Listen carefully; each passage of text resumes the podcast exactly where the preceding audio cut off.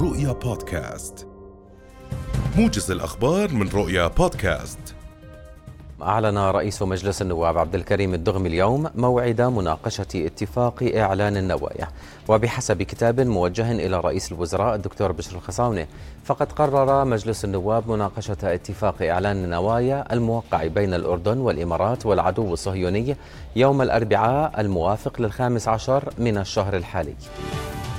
أصدر مخرج فيلم أمير محمد دياب بيانا توضيحيا بعدما أثار الفيلم غضبا ورفضا في الشارعين الأردني والفلسطيني وأعلن وقف عرض الفيلم كرامة للأسرى.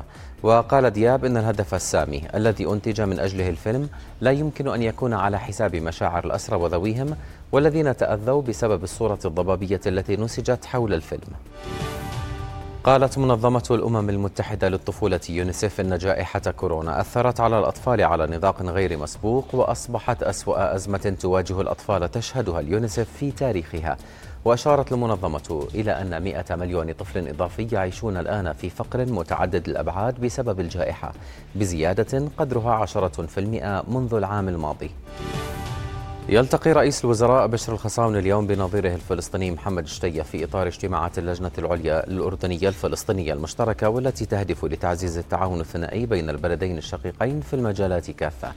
وسيتم خلال أعمال اللجنة التوقيع على عدد من وثائق الاتفاقيات التي تم التوصل إليها خلال الاجتماعات التحضيرية المشتركة التي ركزت على آليات تعزيز التعاون الاقتصادي وإزالة المعوقات التجارية البينية التي يضعها كيان الاحتلال لزيادة حجم التبادل التجاري خلال الفترة المقبلة.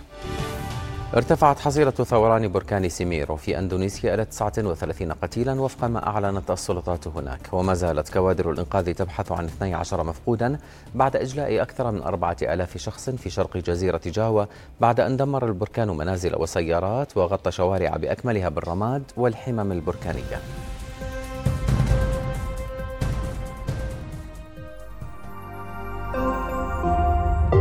رؤيا بودكاست.